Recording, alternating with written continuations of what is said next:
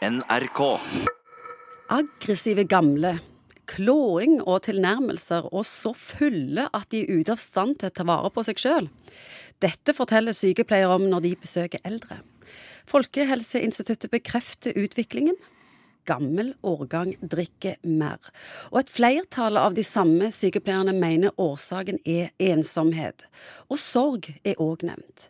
Psykolog Egon Hagen, hva tenker du om dette? Vi vet at de eldre drikker mer, og har dratt med seg en livsstil inn i de, de modne år fra middelalderen. Og så kan vi jo selvfølgelig si like med dette. Så var det jo sånn at når jeg vokste opp, så var det jo sånn at 70 år gamle damer de satt og hekla noen grytekluter eller holdt på med et eller annet. Og nå er det jo ikke sånn. Nå sitter de med kartongen på kveldene. Nå. Men de er òg veldig aktive. Ja, sant? De springer halvmaraton og, sant, og drar til disse baskiske små byene og driver med yoga. og og er opptatt av hvordan de ser ut, og livsstil i det hele tatt, og spiser sunt. Og så drar de med seg et alkoholkonsum som liksom minner om fra den tiden de var 40 og 50 år. Og kroppene deres tåler det ikke så godt. Nei, det er akkurat det er liksom denne dobbeltheten med alkohol. Det er både en velstands- og trivselsindikator, samtidig som det er en helseutfordring. Det alkoholkonsumet som du greide å håndtere når du var yngre, det legger seg oppå en generelt dårligere helse når du får når du blir eldre. Og så har du det problemet med de som er demente, som ikke husker at de har hatt tre drinker før i dag. Ja, så er det jo mange, heldigvis mange demente også som glemmer at de i utgangspunktet likte å drikke. Eller det er noen faktisk som glemmer at de røyker, og så, så greier de å slutte å røyke av det.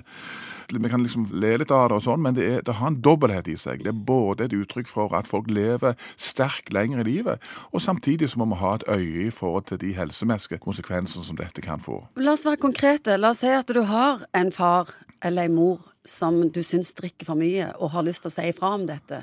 Hvordan gjør han det, da? Jeg pleier å si det sånn at Hvis noen skal snakke om liksom, mitt alkoholkonsum, så må de komme listende på tigertøfler.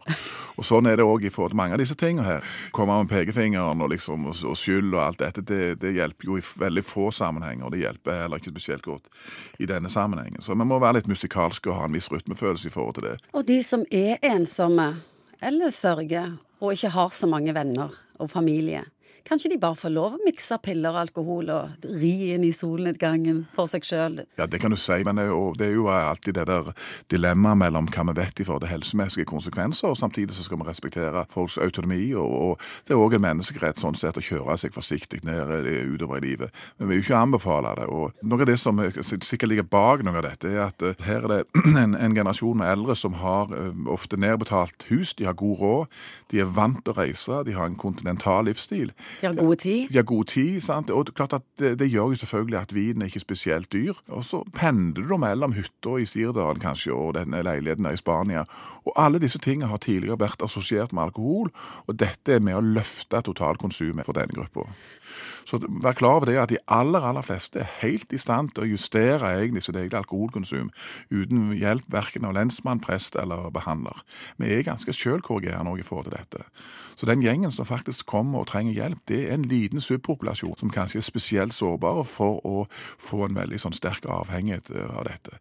Men, men selv om du har kontrollen på dette, og dette er et viktig poeng, selv om du har kontrollen på dette, så, så er volumet i seg selv, altså det at vi drikker mer, har en helsemessig implikasjon, helt uavhengig om du har en avhengighet eller ei. Så mange tenker sånn at jeg kan bare legge det vekk en måned, og da har jeg ikke et problem. Ja, det er ikke helt sånn, fordi at eh, et forhøyet volum har i seg selv helseimplikasjoner, og det er viktig å være klar over.